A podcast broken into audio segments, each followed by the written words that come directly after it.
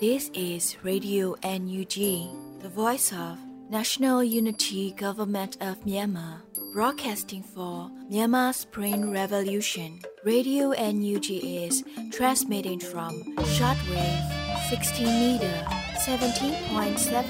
megahertz at 8:30 a.m. and 25 meter 11.94 megahertz at 8:30 p.m. Myanmar Standard Time. မင်္ဂလာပါရှင်။အမျိုးသားညီညွတ်ရေးအစိုးရရဲ့အတန်လွတ်ဌာန Radio NUG ကိုမန္တပိုင်း၈နိုင်ခွဲမှာလိုင်းတူ6မီတာ19.3ခွန်ကုန်းမဂါဟတ်စ်နဲ့ညပိုင်း၈နိုင်ခွဲမှာလိုင်းတူ25မီတာ17.3ကိုလီမဂါဟတ်စ်တို့မှာဓာတ်ရိုက်ဖမ်းယူနားဆင်နိုင်ပါပြီရှင်။မင်္ဂလာအပေါင်းနဲ့ပြည့်စုံကြပါစေ။အခုချိန်ကစပြီး Radio NUG စီစဉ်လေးကိုဓာတ်ရိုက်အတန်လွှင့်ပေးနေပါပြီ မြန်မာနိုင်ငံသူနိုင်ငံသားအပေါင်းတဘာဝပြီးစစ်အာဏာရှင်ဗီတို့ကနေကင်ဝေးပြီးဘေးကင်းလုံခြုံကျန်းမာကြပါစေလို့ရေဒီယိုအယူဂျီအဖွဲ့သားများကဆုတောင်းမေတ္တာပို့သလိုက်ရပါတယ်ရှင်ပထမဆုံးအနေနဲ့ကာကွယ်ရေးဝန်ကြီးဌာနရဲ့စစ်ရေးတရင်အကျဉ်းချုပ်ကိုလူမှုမောင်မှတင်ဆက်ပေးမှာဖြစ်ပါတယ်ရှင် နိုင်စင်စီရေးတဲ့အချင်းချုပ်ကိုတင်ဆက်ပေးပါတော့မယ်။ရန်သူတပ်သားတေဆုံစုံစမ်းစေရန်သူတပ်သားတန်ရာရစုံစမ်းစေအာနာသိန်းအကြမ်းဖက်စစ်တပ်နဲ့တိုက်ပွဲဖြစ်ပွားမှုသတင်းများကိုတင်ဆက်ပေးပါတော့မယ်။စကိုင်းတိုင်းတွင်ဒီဇင်ဘာလ26ရက်နေ့မနက်9:50ခန်းကကန့်ဘလူးမြို့နယ်ကိုတောင်ဘို့ကျေးရွာရှိရန်သူတပ်ဆွဲထားသောနေရာရှိရန်သူတပ်သား56ဦးတစ်သားကျေးရွာမှထွက်လာစဉ်ပြည်သူ့ကာကွယ်ရေးတပ်မတော်ကန့်ဘလူးခရိုင်တရင်နှင့်ကောလင်းခရိုင်တရင်တက်ကန့်ဘလူးမြို့နယ်ပကဖ ကောင်းလင်းမြို့နယ်ပကဖတို့ကတိုက်ခိုက်ခဲ့သည်ဒီဇင်ဘာလ26ရက်နေ့မနက်၈နာရီခန့်ကဝက်လက်မြို့နယ်ရွှေပန်းကုန်းကြီးရွာရဲစခန်းမှာရန်သူတပ်သားများဈေးဝယ်ထွက်လာစဉ်ဒေသခံကာကွယ်ရေးအဖွဲ့များကပါဆယ်မိုင်းဖြင့်ပောက်ခွဲတိုက်ခိုက်ခဲ့တဲ့ဖြင့်ရန်သူတပ်သားများထိခိုက်မှုရှိပြီးလက်နက်ငယ်များဖြင့်ရန်တမ်းပစ်ခတ်ခဲ့သည် ဒီဇင်ဘာလ26ရက်နေ့မနက်3:52မိနစ်ခန့်ကမုံရွာမြို့နယ်မင်းကြီးရွာအနီးတွင်စကိုင်းတန်းမှ33မှထွက်လာသောရန်သူကား3စီးကိုမုံရွာမြို့နယ်ရက်ကျေးပခဖမှပရိဒါမိုင်း3လုံးဖြင့်မိုင်းဆွဲတိုက်ခိုက်ခဲ့ရာနှစ်စီးမြောက်ကမိုင်းထိမိခဲ့သည်ဒီဇင်ဘာလ24ရက်နေ့နေ့လယ်12နာရီခန့်ကမုံရွာမြို့နယ်မြေနယ်ကျေးရွာနဲ့မင်းရွာကျေးရွာကြားတွင်ပြူစောတိ15ဦးခန့်ကိုပြည်သူ့ကာကွယ်ရေးတပ်မတော်မုံရွာခရိုင်တရင်ခုနှစ်တရင်နှစ်တက်ခွဲနှစ်တရင်23မုံရွာ The Boy Braveheart Army BHA ဗန်ဒူလာနဲ့အဖွဲ့သားများ Special Force 11 PDF မုံရွာမြို့နယ်ပကဖ Urban Hunter Force မုံရွာမြို့နယ်ရက်ကျေးပကဖ Peace Tasker Task Force PTDF တို့ကပူးပေါင်းတိုက်ခိုက်ခဲ့သည်ဒီဇင်ဘာလ24ရက်နေ့နေ့လယ်တနာရီခန့်ကစကိုင်းမြို့နယ်ထီဆောင်ကျေးရွာနဲ့ရောင်ပင်ဝန်းကျေးရွာကြားနဘဲကျူးစေးရဲ့အနီးလမ်းဘေးခြံတစ်ခုအတွင်းဝက်ကင်းယူထားသောရန်သူတပ်သား20ခန့်ကိုဒေသလို့လက်နက်ကြီးများဖြင့် People Defense Force ကြောက်ဆယ် အမရစစ်တီတော်ကာကွယ်ရေးအဖွဲ့ Farmer Revolution Force SGG ကြောက်ဆယ် District Defense Force PDF တောင်တာမဟာမိတ်ပူးပေါင်းအဖွဲ့များကပြစ်ခတ်တိုက်ခိုက်ခဲ့သည်ဆက်လက်ပြီးအာနာသိန်းအကြမ်းဖက်စစ်တပ်ကကျူးလွန်ခဲ့သောရာဇဝတ်မှုများကိုတင်ဆက်ပေးပါမယ်ရှမ်းပြည်နယ်တွင်ဒီဇင်ဘာလ25ရက်နေ့မနက်3နာရီခန့်က ရှမ်းပြည်နယ်အခြေစိုက်ကံဘောစာတိုင်းသတင်းဌာန၏အက်ဒီတာချုပ်ကိုကျော်စောကိုရန်သူများကပဲခူးတိုင်းအနောက်ပိုင်းကျိုးပင်ကောက်မြို့နယ်ထဲရှိကျေးရွာတစ်ခုတွင်အင်အားအများအပြားဖြင့်လာရောက်ဖမ်းဆီးသွားကြောင်းသိရသည်။စကိုင်းတိုင်းတွင်ဒီဇင်ဘာလ25ရက်နေ့ကအင်းတော်မြို့နယ်နမဟုတ်ကြီးကျေးရွာသို့နိုဝင်ဘာလ28ရက်ညပိုင်းချိန်ကရောက်လာသောရန်သူတပ်သားများဖမ်းဆီးခေါ်ဆောင်သွားသည့်ဦးမင်းနိုင်အသက်50ဦးကျော်တန်း60နှစ်ဦးကျော်တန်းဤသားဖြစ်သူဦးဘဘိုဝေအသက်33နှစ် ဦးကျော်ထေး50နှစ်ဦးကျော်ထွန်းအသက်38နှစ်ဦးမြင့်ဖေ60နှစ်ဦးတာပြူ68နှစ်တို့၏ရုပ်အလောင်းများကိုကမ်းနီကျေးရွာအနီးမြေမြုပ်ထားသည်ကိုတွေ့ရှိခဲ့ပြီးနှစ်ဦးမှာခေါင်းပစ်ခံရပြီးကြံ6ဦးမှာဒုတ်ဖြစ်ရိုက်တက်ခံခဲ့ရသည်ဒီဇင်ဘာလ25ရက်နေ့မနက်09:30ခန်းကမော်လိုက်မြို့နယ်ချင်းတွင်းမြစ်အရှိတ်ဘက်ချမ်းကုန်းကတ်သွန်ရွာရောက်ရှိနေသောရန်သူတပ်သား100ခန်းကကုန်းကတ်သွန်ရွာနေအိမ်၁၁လုံးကိုတတိယအကြိမ်မြောက်မီးရှို့ဖျက်ဆီးခဲ့သည် ဒီဇင်ဘာလ24ရက်နေ့နေ့လယ်2:30ခန်းကမုံရွာမြို့နယ်အောင်သာကျေးရွာအနောက်ဘက်မအူရွာနဲ့မြေ내ရွာကြားတွင်ရောက်နေသောရန်သူတပ်သား15ဦးခန့်ကအောင်သာရွာအနောက်ဘက်တောရဲရှိတောရဲတစ်လုံးကိုမီးရှို့ဖျက်ဆီးခဲ့သည်မန္တလေးတိုင်းတွင်ဒီဇင်ဘာလ24ရက်နေ့ည7:00နာရီခန့်ကငန်းစုံမြို့နယ်ရေစင်းရွာသို့ရန်သူတပ်များဝင်ရောက်မွေနှောက်ခဲ့ပြီးဒေသခံရွာသား6ဦးအားဖမ်းဆီးခဲ့က4ဦးအားမိချောင်းတက်ရွာအနီးတွင်နှိပ်စက်၍ပြစ်တက်ခဲ့သည်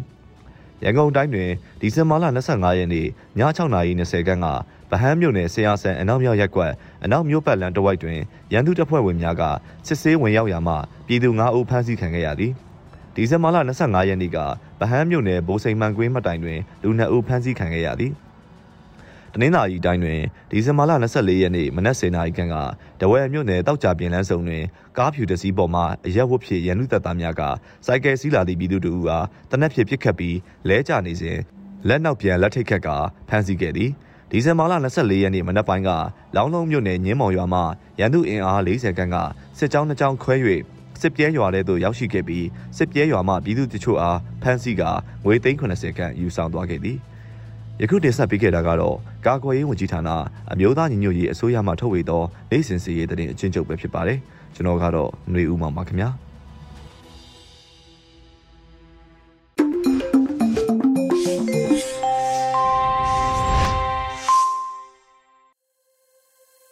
ဆက်လက်ပြီး Radio UNG ရဲ့နောက်ဆုံးရသတင်းများကိုຫນွေဦးမိုင်မှဖက်ကြားတင်ပြပေးပါမယ်ရှင်။မင်္ဂလာမနေ့ခင်ပါရှင် အခုချိန်ကစပြီး Radio UNG ရဲ့ဒီဇင်ဘာလ29ရက်နေ့မနက်ခင်းသတင်းများကိုတင်ပြပေးပါရမယ်ကျွန်မຫນွေဦးမိုင်ပါကော့ဘရာစစ်ကြောင်းစစ်တင်နာဆင်းပွဲတို့ပြည်ထောင်စုဝန်ကြီးချုပ်မန်းဝင်းခိုင်တန်းတက်ရောက်ပြီးလက်နက်များပေးအပ်ခဲ့တဲ့သတင်းကိုဥစွာတင်ပြပေးပါမယ်ကရင်အမျိုးသားအစည်းအရုံးရဲ့တပ်မဟာ6နေမြေအတွင်းကကော့ဘရာစစ်ကြောင်းရဲ့စစ်တင်နာဆင်းပွဲအခမ်းအနားကိုဒီဇင်ဘာ25ရက်ကပြုလုပ်ခဲ့ရာအမျိုးသားညီညွတ်ရေးအစိုးရပြည်ထောင်စုဝန်ကြီးချုပ်မန်းဝင်းခိုင်တန်းတက်ရောက်ခဲ့ပါတယ်။ ပြည်ထောင်စုဝန်ကြီးချုပ်ကအစိုးရရဲ့တနှစ်စီမံချက်ကောင်းထဲပေါ်ဆောင်ရွက်နေမှုတိုင်းသားမဟာမိတ်များနဲ့ဟန်ချက်ညီညီပူးပေါင်းဆောင်ရွက်နေမှုကုလသမဂ္ဂပါဝင်ကမ္ဘာနိုင်ငံများနဲ့တန်ခင်းတမန်ခင်းကောင်းမွန်စွာချိတ်ဆက်ထားနိုင်မှုတပြည်လုံးအတိုင်းအတာနဲ့တိုင်းသားမဟာမိတ်တပ်များနဲ့ပြည်သူ့ကာကွယ်တပ်မတော်ပူးပေါင်းပြီးစစ်စင်ရေးအသာစီးရယူဆောင်ရွက်ထားနိုင်မှုအစရှိတဲ့အကြောင်းအရာများကိုပြည်သူ့ကာကွယ်တပ်မတော်ရဲ့ရဲဘော်များကိုရှင်းလင်းပြောကြားခဲ့ပါတယ်။အဲနောက်အမျိုးသားညီညွတ်ရေးအစိုးရ ပြည်ထောင်စုဝန်ကြီးချုပ်ကတောင်ပိုင်းစစ်ဒေသသို့ပေးအပ်မဲ့လက်နက်များနဲ့အလက်90အားကော့ပရာစစ်ကြောင်းဒုစစ်ကြောင်းမှုထံပေးအပ်ခဲ့ပါတယ်။ဒါအပြင်ပြည်ထောင်စုဝန်ကြီးချုပ်နဲ့ပြည်ထောင်စုလွှတ်တော်ကိုစားပြုကော်မတီမှဒေါ်ဖြူဖြူသင်းတို့ကကော့ပရာစစ်ကြောင်းတင်နန်းစင်ရဲဘော်များအားကုန်ပြုငွေ10သိန်းပေးအပ်ခဲ့ပါတယ်။ပြည်ထောင်စုဝန်ကြီးချုပ်နဲ့တာဝန်ရှိသူများကတင်နန်းစင်ရဲဘော်များအားတဦးချင်းတစ္ဆာရီတိုက်ကြွေးမှုပါပြုလုပ်ခဲ့ကြပါတယ်။တင်ရန်စင်ပွဲသို့ပြည်ထောင်စုဝန်ကြီးချုပ်မန်းဝင်းခိုင်တန်း ပြည်ထောင်စုလွှတ်တော်ကိုစားပြုကော်မတီ CRPH မှဒေါ်ဖြူဖြူသင်းတောင်ပိုင်းတိုင်းစစ်ဒေသမှဘူမူကြီးဆိုဖီနစ်ဘူဆောရှာအမျိုးသမီးလူငယ်နဲ့ကလေးသူငယ်ရေးဝန်ကြီးဌာနဒုတိယဝန်ကြီးအီတန်ဇာမောင်နဲ့တာဝန်ရှိသူများတက်ရောက်ခဲ့ကြတယ်လို့သိရှိရပါတယ်ရှင်။ပြည်ထရေးနဲ့လူမှုကြီးကြပ်ဝင်ကြီးဌာနနဲ့စကိုင်းတိုင်းမကွေးတိုင်းပဲခူးတိုင်းရှိမြို့နယ်ပြည်သူ့အုပ်ချုပ်ရေးအဖွဲ့များတွိတ်ဆုံဆွေးနွေးမှုတရင်ကိုဆက်လက်တင်ပြပေးပါမယ်။အမျိုးသားညီညွတ်ရေးအစိုးရ ပြည်ထရေးနဲ့လူမှုကြီးကြပ်ဝင်ကြီးဌာနနဲ့စကိုင်းတိုင်းမကွေးတိုင်းပဲခူးတိုင်းရှိမြို့နယ်ပြည်သူ့အုပ်ချုပ်ရေးအဖွဲ့များတွိတ်ဆုံဆွေးနွေးမှုအစည်းအဝေး15မြင်းဆောင်2022ကိုဒီဇင်ဘာလ26ရက်နေ့မနက်10:00နာရီအချိန်တွင်ကျင်းပပြုလုပ်ခဲ့ရာအစည်းအဝေး၌ပြည်ထရေးနဲ့လူမှုကြီးကြပ်ဝင်ကြီးဌာနပြည်ထောင်စုဝန်ကြီးဦးလုံကိုလက်မှအဖွင့်မှစကားပြောကြားခဲ့ပါတယ်။အမှားစကားပြောကြားရာတွင်တော်လှန်ရေးသည်တိုးတက်ကောင်းမွန်သည့်အနေအထားတစ်ခုရောက်ရှိနေပြီဖြစ်ကြောင်း နိုင်ငံတကာမှလည်းထောက်ခံမှုများရှိလာပြီးလက်တွေ့ကျသည့်ထိရောက်ကူညီမှုများရှိလာတော့မည်ဖြစ်ကြောင်းတော်လှန်ရေးကိုအားလုံးစ조사ဆောင်ရွက်ကြရန်နဲ့နှစ်သစ်မှာပုံမအားကောင်းသည့်အခြေအနေတစ်ခုရောက်ရှိနိုင်ရာတိုက်တွန်းလိုကြောင်းအုပ်ချုပ်ရေးသည်အင်တန်တိမ်မွေ့တကယ်တော့စိန်ခေါ်မှုလည်းကြီးမားကြောင်းစိန်ခေါ်မှုများကိုယုံကြည်မှုနဲ့အတူစီးလုံးစွာဆောင်ရွက်ကြမည်ဆိုပါကတနှစ်မဟာဗျူဟာစီမံချက်အတွက်ရလဒ်ကောင်းများပေါ်ပေါက်လာနိုင်မည်ဖြစ်ကြောင်းပြောကြားသွားပါတယ်။ ဆက်လက်၍ပြည်ထရေးနဲ့လူမှုကြီးကြပ်ဝင်ကြီးဌာနမိသက်ဦးစီးဌာနတာဝန်ရှိသူမှဌာနဖွဲ့စည်းပုံနဲ့ဂျာကာလာမိသက်လက်ဆွဲကိုရှင်းလင်းပြောကြားခဲ့ပြီးနောက်တရောက်လာသောမြို့နယ်ပါဖဖွဲ့ဝင်များမှမြေပြင်အုပ်ချုပ်ရေးဆောင်ရွက်နေမှုများကြုံတွေ့နေရသည့်အခက်အခဲများနဲ့လိုအပ်ချက်များစသည်တို့ကိုရှင်းလင်းတင်ပြပြီးမူဝါဒပိုင်းဆိုင်ရာသိရှိလိုသည့်များအားမေးမြန်းကြကာဝန်ကြီးဌာနမှသက်ဆိုင်ရာတာဝန်ရှိသူများကပြန်လည်ဖြေကြားခဲ့ပါတယ်။ အစည်းအဝေးသို့ပြည်ထောင်စုဝန်ကြီးဦးလုံကိုလက်မှဦးဆောင်ကပြည်သူ့အုပ်ချုပ်ရေးဦးစီးဌာနပြည်သူ့ရဲတပ်ဖွဲ့မိသက်ဦးစီးဌာနလူမှုကြီးကြပ်ရေးဦးစီးဌာနအထူးဆောင်စမ်းထောက်လှမ်းရေးဦးစီးဌာနတို့မှတာဝန်ရှိသူများစကိုင်းတိုင်းမကွေးတိုင်းပဲခူးတိုင်းတို့မှမြို့နယ်ပြည်သူ့ချုပ်ရဲ့အဖွဲ့ဝင်များတက်ရောက်ခဲ့ပြီးအစည်းအဝေးအားနေ့လယ်7:00နာရီခွဲအချိန်တွင်အောင်မြင်စွာရနာခဲ့လို့သိရှိရပါတယ်ရှင်။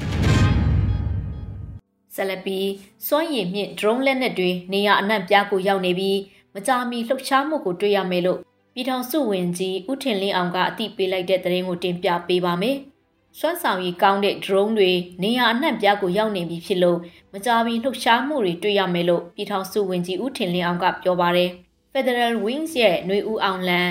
Fundraising Campaign ဖွင့်ပွဲအခမ်းအနားမှာအမျိုးသားညီညွတ်ရေးအစိုးရစစ်သွေးရေးတရင်အချက်လက်နဲ့ ဤပညာဝင်ကြီးဌာနပြည်ထောင်စုဝင်ကြီးဦးထင်လင်းအောင်ကပြောကြားလိုက်တာပါ။ drone ဆိုတာရန်သူကသူတို့မှမကြုံဘူးဘူး။ drone ကြောင့်ရန်သူတွေဟာ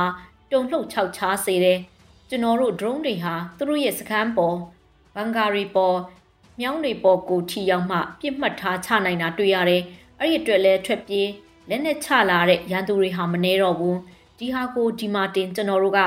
ရက်နေမှာတော့မဟုတ်ဘူး။ဤပညာအသာစီးရအောင်စ조사လေလာနေတယ်။ အခုလောလောဆယ်ဓာတ်ထက်ပိုကောင်းတဲ့ drone တွေသုံးဖို့ထိရောက်စွာလှုပ်ဆောင်ထားတဲ့စွမ်းဆောင်ရည်ကောင်းတဲ့ drone တွေနေရာအနှံ့ပြားကိုရောက်နေပြီဖြစ်တယ်။မကြာမီလှုပ်ရှားမှုတွေတွေ့ရမယ်ဆိုတာလူထုကိုသိပေးလိုပါတယ်လို့ဝန်ကြီးကဆိုပါတယ်။ Federal Wings drone တပ်ဖွဲ့ဟာစစ်စင်ရေး232ကြိမ်ဆင်နွှဲခဲ့ပြီးရန်သူဖက်က89ဦးသေဆုံးခဲ့က drone ကြောင့်ထိခိုက်ဒဏ်ရာရသူ133ဦးရှိခဲ့ပါတယ်။ Federal Wings ဟာ drone project နဲ့ sniper project တွေအားလုံးအတွက် American dollar တသန်းကျော်သုံးစွဲထားပြီးလည်းဖြစ်ပါတယ်ရှင်။ဆက်လက်ပြီး Federal Wings ရဲ့နှွေဦးအောင်လံ campaign ကနေကန်ဆန်းမဲ့အထူးစုဖြင့်ဒေါအောင်စားစုကြည်ဝတ်ဆင်ခဲ့တဲ့ Lady Show ဖနက်ပါဝဲမဲ့အကြောင်းကိုတင်ပြပေးပါမယ်။ Federal Wings ရဲ့နှွေဦးအောင်လံ campaign ကနေကန်ဆန်းမဲ့အထူးစုအဖြစ်လူထုခေါင်းဆောင်ဒေါအောင်ဆန်းစုကြည်ဝတ်ဆင်ခဲ့တဲ့ Lady Show ဖနက်ပါဝဲမဲ့လို့တင်ရရှိပါရတယ်။ ဒီဇင်ဘာလအတွင်းမှာပြုလုပ်တဲ့ Federal Wings ရဲ့နှွေဦးအောင်လံ campaign မိတ်ဆက်ပွဲခမ်းနားမှာတဆင့်တည်ရတာပါ။ Lady Show ဖနက်ဟာ2012-2013ကာလများကဒေါအောင်ဆန်းစုကြည်နော်ဝေနိုင်ငံမှာနိုဘယ်ဆုတက်ရောက်ယူစဉ်ကာလနဲ့နိုင်ငံကောင်းဆောင်တွေနဲ့တွေ့ဆုံခဲ့တဲ့ဥရောပခီးစဉ်တွေမှာဝတ်ဆင်ခဲ့တဲ့ Lady Show ဖနက်ဖြစ်တယ်လို့ဆိုပါတယ်။ပြည်သူများအနေနဲ့ Federal Wings ကနေသတ်မှတ်ထားတဲ့ပန်ကာ Circus Camera ဘက်ထရီစတဲ့ပစ္စည်းတွေကိုပြည်သူ့ကာကွယ်တပ်မတော်ရဲ့တပ်ရင်းတပ်ဖွဲ့တွေစီကိုဝယ်ယူလှူဒါန်းနိုင်ပါတယ်လို့ဖော်ပြပါတယ်။ဟတ်တွေကိုဝယ်ယူသူတွေအနေနဲ့ဒေါ်လာ30ဖိုးပစ္စည်းဝယ်ယူလှူဒန်းသူတိုင်းကို0.10ခုသတ်မှတ်ပေးမှာဖြစ်ပြီးတော့0.50အထိဝယ်ယူသူတိုင်းကိုကန်ဆာမဲလက်မှတ်တစ်စောင်ပေးမှာဖြစ်ပါတယ်။ကန်ဆာမဲအစီအစဉ်ကတော့ပထမစု35သိန်းတန်ခရမ်းဆွဲလေဆွဲဒုတိယစုသိန်း20ခန့်တန်ကျေးရှိတကြက်သားရွှေဆွဲကြိုး တတိယစု15သိန်းတန်မြလကတ်စရုတ်ထစု17သိန်းတန်ခရမ်းဆွဲလက်ဆွဲအစရှိတဲ့ရနာပစ္စည်းမျိုးစုံမဲဖောက်ပေးသွားမှာဖြစ်တဲ့အပြင်တုနိုင်မဲ့ရနာအနေနဲ့ဒေါ်အောင်ဆန်းစုကြည်ရဲ့ရှူးဖနက်ပါဝင်မှာဖြစ်တယ်လို့သိရှိရပါတယ်ရှင်။ဆက်လက်ပြီးချောင်းဦးမြို့နယ်ကပြူခေါင်းဆောင်ကိုပြည်သူ့ကာကွယ်တပ်များဖမ်းမိတဲ့သတင်းကိုတင်ပြပေးပါမယ်။စကိုင်းတိုင်းချောင်းဦးမြို့တွင် အန်ဒီရဲ့အကြီးဆုံးပြူစော်တီခေါင်းဆောင်ကိုအရှင်ဖမ်းမိထားပြီးစစ်ဆေးနေကြောင်းပြည်သူ့ကာကွယ်မဟာမိတ်ရဲဘော်များကပြောပါရယ်။ချောင်းဦးမြို့တွင်ပြူစောထီရွာဟုနာမည်ကြီးသောကံကြီးကုန်းကျေးရွာမှပြူခေါင်းဆောင်လှဆင့်စုသူကိုပြည်သူ့ကာကွယ်ရေးမဟာမိတ်ရဲဘော်များက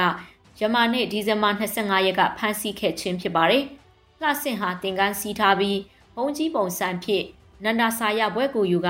ပြူစောထီခေါင်းဆောင်အနေနဲ့ရက်တီနေသူဖြစ်တယ်လို့ ပြည်သူ့ကာကွယ်ရဲဘော်တူကပြောပါတယ်။သူကြောင့် PDF တွေအသက်ခံရတာအဖမ်းခံရတာတွေမနှဲတော့ဘူး။အခုတော့သူ့ကိုဖမ်းပြီးအသေးစိတ်ကိုစီစဉ်နေပြီးတရင်ထုတ်ပြန်သွားပါမယ်လို့ချောင်းဦးပြည်သူ့ကာကွယ်တပ်မှတာဝန်ရှိသူတို့ကပြောပါတယ်။ကံကြီးကုန်းကြေးရွာမှာပြည်သူ့ကာကွယ်ရေးမဟာမိတ်ဆယ်ဖွဲ့ထက်မနည်းဝင်ရောက်စီးနင်းပြီးပြူခေါင်းဆောင်လှဆင်ကိုဖမ်းဆီးနိုင်ခဲ့ခြင်းဖြစ်ကစစ်ကောင်စီကိုထိနာစေတယ်လို့တော်လှန်ရေးအင်အားစုများကဆိုပါတယ်။လက်ရှိတွင်ချောင်းဦးမြို့နယ်တွင်စစ်ရေးအခြေအနေတင်းမာနေပြီး ချောင်းဦးအမြင့်လမ်းပိုင်းအားလုံးဝအသုံးမပြုကြရတော်လှန်ရေးအင်အားစုများကတရင်ထုတ်ပြန်ထားတယ်လို့သိရပါတယ်ရှင်။စောမြို့နယ်ညောင်ကန်ရွာကိုစစ်ကောင်စီတပ်ကလေကြောင်းကနေပစ်ခတ်လို့ပြည်သူလေးဦးအသက်ဆုံးရှုံးခဲ့တဲ့တဲ့ရင်ကိုနောက်ဆုံးတင်ပြပေးပါမယ်။မကွေးတိုင်းစောမြို့နယ်ညောင်ကန်ရွာကိုဒီဇင်ဘာလ26ရက်နေ့နေ့လယ်တနာရီ55မိနစ်ခန့်မှာစစ်ကောင်စီက Jet Fighter နဲ့လေကြောင်းတိုက်ခိုက်မှုတွေပြုလုပ်ခဲ့ပါတယ်။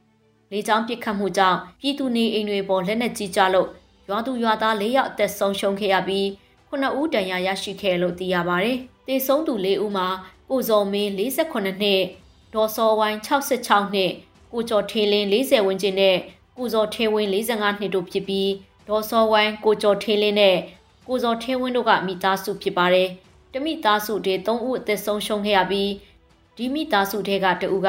အရေးပေါ်အခြေအနေထိဒဏ်ရာရရှိထားတာဖြစ်ပါတယ်။ ဒဏ်ရာရပြည်သူ9ဦးမှာ၄ဦးကပြင်းထန်ဒဏ်ရာရရှိထားတာဖြစ်လို့ကျွန်တော်တို့ဆေးရုံကိုပြောင်းရွှေ့ထားပါတယ်။စစ်ကြောင်းမရှိဘဲလေရင်တန်ကောင်းကောင်းမကြားလိုက်ရဘဲပောက်ကွဲတံတွေအရင်ကြားလိုက်ရပြီးမှလေရင်တန်ကြားရတယ်။အဲ့တော့မှကျွန်တော်လေကြောင်းတိုက်ခိုက်ခံရမှန်းသိတယ်။နှစ်ကြိမ်မြောက်မှာဆက်လက်ပစ်ခတ်တံတွေကြားရပြီး Jet Fighter မြင်ရမိခုတွေလှမ်းမြင်ရတယ်။ကိုရွာကိုလာတာပဲထင်ခဲ့ပေမဲ့ဘီကလက်ကရွာဖြစ်နေတယ်။9မိနစ်လောက်မကြာတဲ့အချိန်တွင်းမှာ အကြောင်းပြချက်ရေးရရမရှိဘဲလေကြောင်းတိုက်ခိုက်ခံခဲ့ရပြီးပြည်သူ၄ဦးအသက်ဆုံးရှုံးသွားခဲ့ပြီလို့ရွာနီးဆက်နေကိုရိုင်းကြုံတွေ့ခဲ့ရသူတို့ကပြောပြပါရယ်စစ်ကောင်စီရဲ့လေကြောင်းကနေပစ်ခတ်မှုကြောင့်လူနေအိမ်ခြေ၅လုံးလဲမီးလောင်ပျက်စီးသွားတယ်လို့သိရှိရပါတယ်ရှင်။ယခုတင်ပြခဲ့တဲ့သတင်းတွေကိုဝင်ကြီးဌာနများနဲ့မိဖက်သတင်းရင်းမြစ်တွေကိုအခြေခံပြီးရေဒီယိုသတင်းထောက်လွတ်လပ်နေကပေးပို့ထားတာဖြစ်ပါတယ်ရှင်။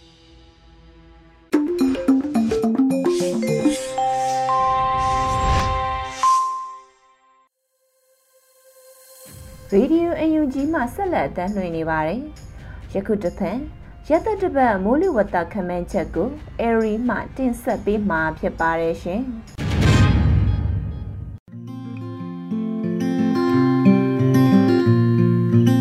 လာပါရှင်2022ခုနှစ်ဒီဇင်ဘာလ25ရက်နေ့ကနေ2023ခုနှစ်ဇန်နဝါရီလ1ရက်နေ့အထိမိုးလေဝသအခြေအနေခန့်မှန်းချက်တွေကိုတင်ပြပေးပါရမယ်။ အခုတစ်ပတ်ဟာပုံမှန်စောင်းဥကာလလက္ခဏာမျိုးမဟုတ်ပေမဲ့လည်းစောင်းဥကာလအေးဓာတ်ကိုမြန်မာနိုင်ငံကအေးတလှဲ့နှွေးတလှဲ့ခန်းစားရတဲ့ကာလအဖြစ်တွေ့မြင်ရနိုင်ပါတယ်။အခုတစ်ပတ်အတွင်းထူးခြားချက်ကတော့ဘင်္ဂလားပင်လယ်ော်အနောက်တောင်ပိုင်းအီကွေတာအနီးမှာဖြစ်ပေါ်ခဲ့တဲ့လေပွေလှိုင်းဟာအီကွေတာအနီးမှာပြက်ပြဲသွားခြင်းမရှိဘဲပြန်လည်အားပြိုးလာက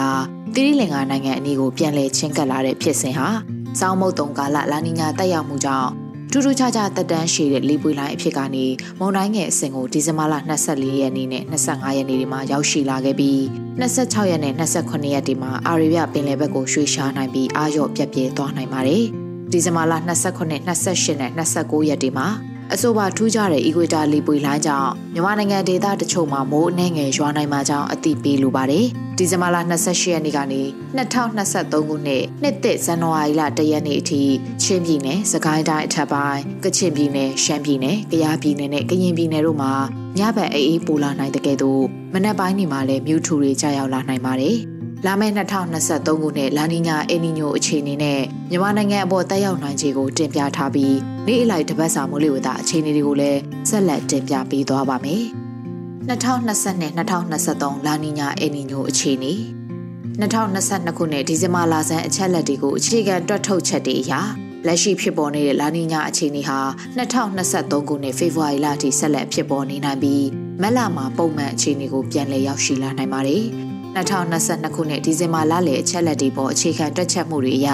အချိန်ပိုစောပြီး2023ဇန်နဝါရီလလယ်ကစလို့ပုံမှန်အခြေအနေကိုရောက်ရှိလာနိုင်ပါတယ်။2023ခုနှစ်ဇွန်လမှာတကြောပြန်ပြီးအယ်နီညိုရာသီဥတုအခြေအနေဘက်ကိုပြန်ဖြစ်လာနိုင်ကြောင်းလည်းခန့်မှန်းထားပါတယ်။မြန်မာနိုင်ငံပေါ်တက်ရောက်နိုင်ခြေကတော့2023ခုနှစ်လက်ကျန်ဆောင်းကာလဟာဥရောပနိုင်ငံတွေကိုပြင်းထန်တဲ့ဆောင်းရာသီမျိုးမကြုံတွေ့စေနိုင်ပဲအရှိလေပွေလှိုင်းတွေဖြစ်ပေါ်နိုင်မှုလည်းရောကျသွားနိုင်ပါတယ်။ အထူးအလေးထားရန်ကတော့2023ခုနှစ်မတ်လနဲ့ဧပြီလတွေမှာအယ်နီညိုအစပြိုးလာမှုကြောင့်အချိန်အခါမဟုတ်မိုးရွာသွန်းစေမဲ့ဖြစ်စဉ်တွေဖြစ်ပေါ်လာနိုင်ခြေရှိပါကြောင်းလည်းအသိပေးထားလိုပါတယ်။ဆက်လက်ပြီးဒီဇင်ဘာလ26ရက်နေ့အတွက်ခံမှန်းချက်ကတော့မြန်မာနိုင်ငံအထက်ပိုင်းမှာနောက်မြောက်လေတွေတိုက်ခတ်နိုင်ပြီးအလဲပိုင်းနဲ့တောင်ပိုင်းတို့မှာတောင်အရှိတောင်လေတွေတိုက်ခတ်နေနိုင်ပါတယ်။စောင်းမုတ်တုံအခြေအနေကတော့မြန်မာနိုင်ငံအနောက်ပိုင်းနဲ့မြောက်ပိုင်းဒေသတွေမှာညပူချိန်တွေအနည်းငယ်ဆက်လက်ကျဆင်းနေပြီးအေးနေနိုင်ပါတယ်။ ဘင်္ဂလားပင်လယ်အော်တောင်ပိုင်းမှာတိမ်ထူထပ်နေပြီးကြံဘင်္ဂလားပင်လယ်အော်နဲ့ကပလီပင်လယ်ပြင်မှာတိမ်အထင်တင်ဖြစ်ထွန်းနိုင်ပါတယ်။ထူးခြားချက်အနေနဲ့ဘင်္ဂလားပင်လယ်အော်အနောက်တောင်ပိုင်းသီရိလင်္ကာအနီးမှာဖြစ်ပေါ်နေတဲ့လေပွေလှိုင်းဟာအားပြောတဲ့မုန်တိုင်းငယ်ဖြစ်ဆက်လက်တည်ရှိနေပြီးနောက်24နာရီအတွင်းအာရေဗျပင်လယ်ဘက်ကိုဆက်လက်ရွှေ့သွားနိုင်ပါတယ်။မိုးအခြေအနေကတော့အေယာဝတီတိုင်းပဲခူးတိုင်းရှမ်းပြည်နယ်အရှေ့ပိုင်းနဲ့ကချင်ပြည်နယ်တို့မှာနေရာကွက်ကြားမိုးနှဲငယ်ရွာနိုင်တာကလွဲလို့ကြံတပြည်လုံးမှာအများအပြားတာယာနိုင်ပါတယ်။ မြမပင်လယ်ပြင်မှာအရှိအရှိတောင်ဘက်ကလေဟာတနအီကို9မိုင်ကနေ10မိုင်ထိတိုက်ခတ်နိုင်ပြီးလှိုင်းအသင့်အတင်ရှိနိုင်ပါတယ်။ ဒီဇင်ဘာလ29ရက်နေ့အတွက်ခံမှန်းချက်ကတော့မြန်မာနိုင်ငံအထက်ပိုင်းမှာအနောက်မြောက်လေတွေတိုက်ခတ်နိုင်ပြီးအလဲပိုင်းနဲ့တောင်ပိုင်းဒေသတွေမှာတောင်အရှိတောင်တွေတိုက်ခတ်နေနိုင်ပါတယ်။စောင်းမုတ်တုံအခြေအနေကတော့မြန်မာနိုင်ငံအနောက်ပိုင်းနဲ့မြောက်ပိုင်းဒေသတွေမှာညအပူချိန်တွေအနည်းငယ်ဆက်လက်ကျဆင်းနေပြီးအေးနေနိုင်ပါတယ်။ဘင်္ဂလားပင်လယ်ော်အလဲပိုင်းနဲ့တောင်ပိုင်းမှာတိမ်ထူထပ်နေပြီးကြံဘင်္ဂလားပင်လယ်ော်နဲ့ကပလီပင်လယ်ပြင်မှာတိမ်အထင်တင်ဖြစ်ထွန်းနိုင်ပါတယ်။ ထူးခြားချက်ကတော့ဘင်္ဂလားပင်လယ်ော်အနောက်တောင်ပိုင်းတီရီလင်ကအနီးမှာဖြစ်ပေါ်နေတဲ့အားပြော့တဲ့မုန်တိုင်းငယ်ဟာအာရေဗျပင်လယ်ဘက်ကိုဆက်လက်ရွှေ့သွားနိုင်ပြီးလေးပွေးလိုင်းဖြစ်ပြန်လည်လျှော့ကျပြီးပြက်ပြဲသွားနိုင်ပါတယ်။မိုးချီနေကတော့အေယာဝတီတိုင်းရှမ်းပြည်နယ်အရှေ့ပိုင်းစကိုင်းတိုင်းအထက်ပိုင်းနဲ့ကချင်ပြည်နယ်တို့မှာနေရာကွက်ကြားမိုးနှင်းငယ်ရွာနိုင်တာကလွဲလို့ကြံတပြည်လုံးမှာအများအပြားတာယာနိုင်ပါတယ်။မြမပင်လယ်ပြင်မှာအရှိဘက်ကလေဟာတနအီကို9မိုင်ကနေ10မိုင်ထိတိုက်ခတ်နိုင်ပြီးလှိုင်းအသင်တင်ရှိနိုင်ပါတယ်။ ဒီဇင်ဘာလ28ရက်နေ့အတွက်ခန့်မှန်းချက်ကတော့မြန်မာနိုင်ငံအထက်ပိုင်းမှာအနောက်မြောက်လေတွေတိုက်ခတ်နိုင်ပြီးအလဲပိုင်းနဲ့တောင်ပိုင်းမှာတောင်အရှိတောင်လေတွေတိုက်ခတ်နေနိုင်ပါတယ်။စောင်းမုတ်တုံအခြေအနေကတော့မြန်မာနိုင်ငံအနောက်ပိုင်းနဲ့မြောက်ပိုင်းဒေသတွေမှာညအပူချိန်တွေအနည်းငယ်ဆက်လက်ကျဆင်းနေပြီးအေးနေနိုင်ပါတယ်။ချင်းပြည်နယ်၊စကိုင်းတိုင်း၊ကချင်ပြည်နယ်၊ရှမ်းပြည်နယ်နဲ့ကယားပြည်နယ်တို့မှာမနက်ပိုင်းမြူထူတွေကျဆင်းနိုင်ပါတယ်။ ဘင်္ဂလားပင်လယ်ော်အလဲပိုင်းနဲ့တောင်ပိုင်းမှာတိမ်ထူထပ်နေပြီးကြံဘင်္ဂလားပင်လယ်ော်နဲ့ကပလီပင်လယ်ပြင်မှာတိမ်အထင်တင်ဖြစ်ထွန်းနိုင်ပါတယ်။ထူးခြားချက်အနေနဲ့တီတီလင်ကအနီးမှာဖြစ်ပေါ်နေတဲ့လေပွေလိုင်းဟာပြက်ပြဲသွားနိုင်ပါတယ်။မိုးအခြေအနေကတော့စကိုင်းတိုင်းအထက်ပိုင်းနဲ့ကချင်ပြည်နယ်တို့မှာနေရာကွက်ကြားမိုးနှင်းငယ်ရွာနိုင်တာကလွယ်လို့ကြံတပြည်လုံးမှာအများအပြားတာယာနိုင်ပါတယ်။မြမပင်လယ်ပြင်မှာအရှိဘက်ကလေဟာတနအီကို9မိုင်ကနေ10မိုင်အထိတိုက်ခတ်နိုင်ပြီးလှိုင်းအသင့်တင်ရှိနိုင်ပါတယ်။ ဒီဇင်ဘာလ29ရက်နေ့အတွက်ခံမှန်းချက်ကတော့မြန်မာနိုင်ငံအထက်ပိုင်းမှာအနောက်မြောက်လေတွေတိုက်ခတ်နေနိုင်ပြီးအလဲပိုင်းနဲ့တောင်ပိုင်းတို့မှာတောင်အရှိတောင်လေတွေတိုက်ခတ်နေနိုင်ပါတယ်။စောင်းမုတ်တုံအခြေအနေကတော့မြန်မာနိုင်ငံအနောက်ပိုင်းနဲ့မြောက်ပိုင်းဒေသတွေမှာညအပူချိန်တွေအနှဲငယ်ဆက်လက်ကျဆင်းနေပြီးအေးနေနိုင်ပါတယ်။ချင်းပြည်နယ်၊စကိုင်းတိုင်း၊ကချင်ပြည်နယ်၊ရှမ်းပြည်နယ်နဲ့ကယားပြည်နယ်တို့မှာမနက်ပိုင်းမြူထူတွေကျဆင်းနိုင်ပါတယ်။ဘင်္ဂလားပင်လယ်ော်မြောက်ပိုင်းနဲ့အနောက်ပိုင်းမှာတိမ်ထူထပ်နေပြီးကြံဘင်္ဂလားပင်လယ်ော်နဲ့ကပလီပင်လယ်ပြင်မှာ တိမ်အထင်တင်ဖြစ်ထွန်းနိုင်ပါတယ်။မိုးအခြေအနေကတော့စကိုင်းတိုင်းအထက်ပိုင်းနဲ့ကချင်ပြည်နယ်တို့မှာနေရာကွက်ကြားမိုးနှင်းငယ်ရွာနိုင်တာကလွဲလို့ကြံတပြည်လုံးမှာအများအပြားတာယာနိုင်ပါတယ်။မြမပင်လယ်ပြင်မှာအရှိမြောက်ဘက်ကလေဟာတနအီကို9မိုင်ကနေ10မိုင်ထိတိုက်ခတ်နိုင်ပြီးလှိုင်းအသင်တင်ရှိနိုင်ပါတယ်။ဒီဇင်ဘာလ30ရက်နေ့အတွက်ခံမှန်းချက်ကတော့မြန်မာနိုင်ငံအထက်ပိုင်းမှာအနောက်မြောက်လေတွေတိုက်ခတ်နိုင်ပြီးအလဲပိုင်းနဲ့တောင်ပိုင်းတို့မှာတောင်အရှိတောင်လေတွေတိုက်ခတ်နေနိုင်ပါတယ်။ ကျောင်းမုတ်တုံအခြေအနေကတော့မြန်မာနိုင်ငံအနောက်ပိုင်းနဲ့မြောက်ပိုင်းဒေသတွေမှာညပူချိန်တွေအနည်းငယ်ဆက်လက်ကျဆင်းနေပြီးအေးနေနိုင်ပါတယ်။ချင်းပြည်နယ်၊စကိုင်းတိုင်း၊ကချင်ပြည်နယ်၊ရှမ်းပြည်နယ်၊ကယားပြည်နယ်၊ကရင်ပြည်နယ်နဲ့ပဲခူးတိုင်းတို့မှာမနက်ပိုင်းမြူထူတွေကျဆင်းနိုင်ပါတယ်။ဘင်္ဂလားပင်လယ်ော်မြောက်ပိုင်းနဲ့အနောက်ပိုင်းမှာတိမ်ထူထပ်နေပြီးကြံဘင်္ဂလားပင်လယ်ော်နဲ့ကပ်ပလီပင်လယ်ပြင်မှာတိမ်အထင်တင်ဖြစ်ထွန်းနိုင်ပါတယ်။မိုးအခြေအနေကတော့တပြည်လုံးမှာအများအပြားတာယာနိုင်ပါတယ်။ မြမပင်လယ်ပြင်မှာအရှိမြောက်ဘက်ကလေဟာတနအီကို9မိုင်ကနေ10မိုင်ထိတိုက်ခတ်နိုင်ပြီးလှိုင်းအထင်တင်ရှိနိုင်ပါတယ်။ဒီဇင်ဘာလ31ရက်နေ့အတွက်ခံမှန်းချက်ကတော့မြန်မာနိုင်ငံအထက်ပိုင်းမှာအနောက်မြောက်လေတွေတိုက်ခတ်နိုင်ပြီးအလဲပိုင်းနဲ့တောင်ပိုင်းတို့မှာတောင်အရှိတောင်လေတွေတိုက်ခတ်နေနိုင်ပါတယ်။စောင်းမုတ်တုံအခြေအနေကတော့မြန်မာနိုင်ငံအနောက်ပိုင်းနဲ့မြောက်ပိုင်းဒေသတွေမှာညအပူချိန်တွေအနည်းငယ်ဆက်လက်ကျဆင်းနေပြီးအေးနေနိုင်ပါတယ်။ ချင်းပြည်နယ်၊စကိုင်းတိုင်း၊ကချင်ပြည်နယ်၊ရှမ်းပြည်နယ်၊ကယားပြည်နယ်၊ကရင်ပြည်နယ်နဲ့ပဲခူးတိုင်းတို့မှာမနက်ပိုင်းမြူထူတွေကျဆင်းနိုင်ပါတယ်။ဘင်္ဂလားပင်လယ်ော်တောင်ပိုင်းမှာတိမ်ထူထပ်နေပြီးကြံဘင်္ဂလားပင်လယ်ော်နဲ့ကပလီပင်လယ်ပြင်မှာတိမ်အထင်တင်ဖြစ်ထွန်းနိုင်ပါတယ်။မိုးအခြေအနေကတော့တပြည်လုံးမှာအများအပြားတာယာနိုင်ပါတယ်။မြမပင်လယ်ပြင်မှာအရှိမြောက်ဘက်ကလေဟာတနအီကို9မိုင်ကနေ10မိုင်ထိတိုက်ခတ်နိုင်ပြီးလှိုင်းအသင်တင်ရှိနိုင်ပါတယ်။ ဆက်လက်ပြီး2023ခုနှစ်ဇန်နဝါရီလ၁ရက်နေ့အတွက်မိုးလေဝသခန့်မှန်းချက်ကတော့မြန်မာနိုင်ငံအထက်ပိုင်းမှာအနောက်မြောက်လေတွေတိုက်ခတ်နိုင်ပြီးအလဲပိုင်းနဲ့တောင်ပိုင်းတို့မှာတောင်အရှိတောင်လေတွေတိုက်ခတ်နေနိုင်ပါတယ်။စောင်းမုတ်တုံအခြေအနေကတော့မြန်မာနိုင်ငံအနောက်ပိုင်းနဲ့မြောက်ပိုင်းဒေသတွေမှာညအပူချိန်တွေအနည်းငယ်ဆက်လက်ကျဆင်းနေပြီးအေးနေနိုင်ပါတယ်။ချင်းပြည်နယ်၊စကိုင်းတိုင်း၊ကချင်ပြည်နယ်၊ရှမ်းပြည်နယ်၊ကယားပြည်နယ်၊ကရင်ပြည်နယ်နဲ့ပဲခူးတိုင်းတို့မှာမနက်ပိုင်းမြူထူတွေကျဆင်းနိုင်ပါတယ်။ဘ င်္ဂလားပင်လယ်ော်တောင်ပိုင်းမှာတိမ်ထူတက်နေပြီးကြံဘင်္ဂလားပင်လယ်ော်နဲ့ကပ်ပလီပင်လယ်ပြင်မှာတိမ်အထင်တင်ဖြစ်ထွန်းနိုင်ပါတယ်။မိုးအခြေအနေကတော့တပြည်လုံးမှာအများအပြားတာယာနိုင်ပါတယ်။မြမပင်လယ်ပြင်မှာအရှိမြောက်ဘက်ကလေဟာတနအီကို9မိုင်ကနေ10မိုင်ထိတိုက်ခတ်နိုင်ပြီးလှိုင်းအထင်တင်ရှိနိုင်ပါတယ်။မြန်မာပြည်သူပေါင်း2023ခုနှစ်ဇ နှစ်သက်အခါသမယမှာစတင်လို့တဘာဝဘေးရန်တွေရောပါတတ်တာပြီးအေဂျင့်တာရတဲ့ဘဝတွေကိုအမြန်ဆုံးပိုင်ဆိုင်ကြပါစေလို့လူသားချင်းစာနာထောက်ထားရေးနဲ့ဘေးရန်တွေဆိုင်ရာစီမံခန့်ခွဲရေးဝန်ကြီးဌာနကဆုတောင်းမြတ်တာပို့တာထားပါတယ်ရှင်။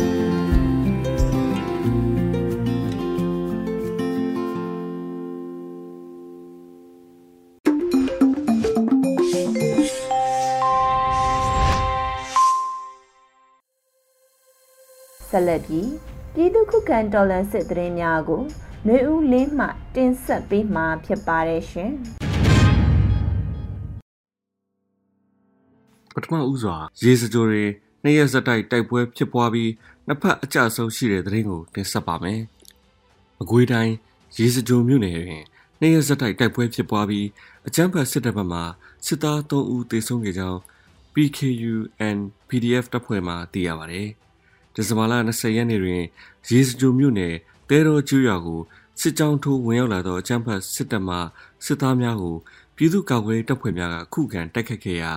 တိုက်ပွဲများစတင်ဖြစ်ပွားခဲ့တာပါဒီဇင်ဘာလ21ရက်နေ့တွင်အကြမ်းဖက်စစ်တပ်သည်တဲတော်ရွာမှတဆင့်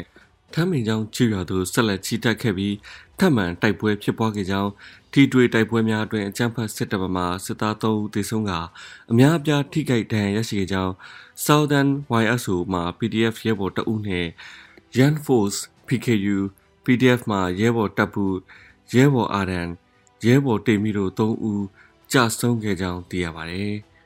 ။နောက်ဆုံးအနေနဲ့6ဦးတွင်ကံကြီးကုန်းပြူစောတိရွာနဲ့အမြင့်ရဲစခန်းကိုဝင်ရောက်တိုက်ခိုက်တဲ့တဲ့ရင်ကိုဆက်လက်တင်ဆက်မှာပါ။ဒီဇင်ဘာလ25ရက်နေ့ညနေ9:00နာရီခန့်တွင်6ဦးမြို့နယ်ကံကြီးကုန်းပြူစောတိရွာနဲ့အမြင့်ရဲစခန်းကိုမဟာမိတ်တပ်ပေါင်းစုများက တပြိုင်တည်းထိုးစစ်ဆင်တိုက်ခတ်ခဲ့တာပါတိုက်ပွဲမှာပြူစောတိအဖွဲ့ဝင်အများပြားထိခိုက်ဒေဆုံးခဲ့ပြီး၎င်းတို့အခြေပြုစခန်းကိုမီးရှို့ရှင်းလင်းခဲ့ကြောင်းသိရပါတယ်ည9:15မိနစ်ခန့်တွင်တရားဦးလေစိတ်မှ Jet Fighter နှစ်စီးတက်လာသောကြောင့်ပြန်လည်ဆုတ်ခွာခဲ့ရပြီးအမှတ်9တပ်ရင်တက်ခွဲ3မှရဲဘော်တအုပ်နဲ့မဟာမိတ်တပ်ဖွဲ့မှရဲဘော်တအုပ်ကြာဆုံးခဲ့ပါတယ်။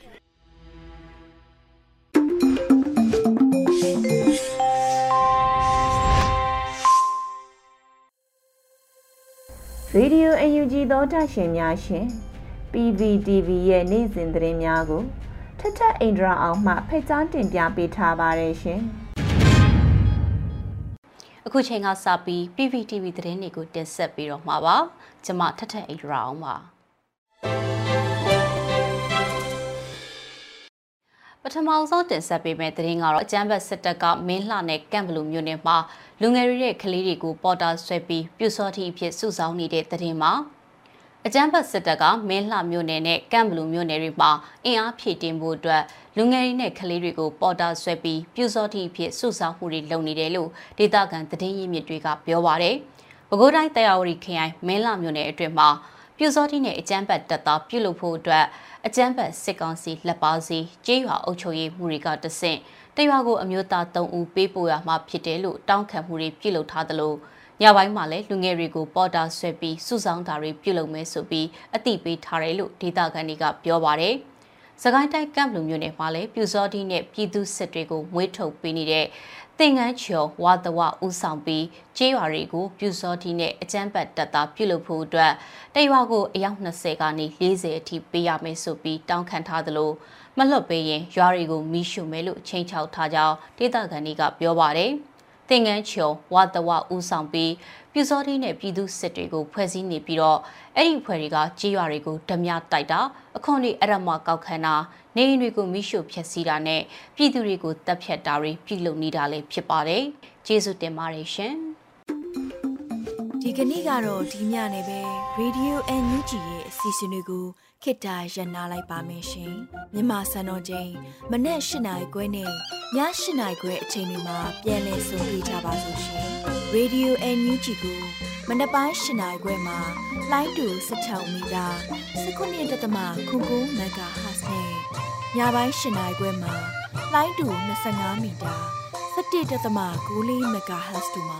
ဓာတ်ရိုက်ဖမ်းယူနာဆင်နိုင်ပါပြီရှင်။ မြန်မာနိုင်ငံသူနိုင်ငံသားများကိုစိတ်နှဖျားစမ်းမချမ်းသာလို့ဘေးကင်းလုံခြုံကြပါစေလို့ Radio NUG ရဲ့ဖွဲ့သူဖွဲ့သားများကဆုတောင်းလိုက်ရပါတယ်။ San Francisco Bay Area အခြေဆိုင်မြန်မာမိသားစုများနဲ့နိုင်ငံတကာကစေတနာရှင်များလို့အားပေးများရဲ့ Radio NUG ဖြစ်ပါတယ်ရှင်။အရေးတော်ပုံအောင်ရမည်။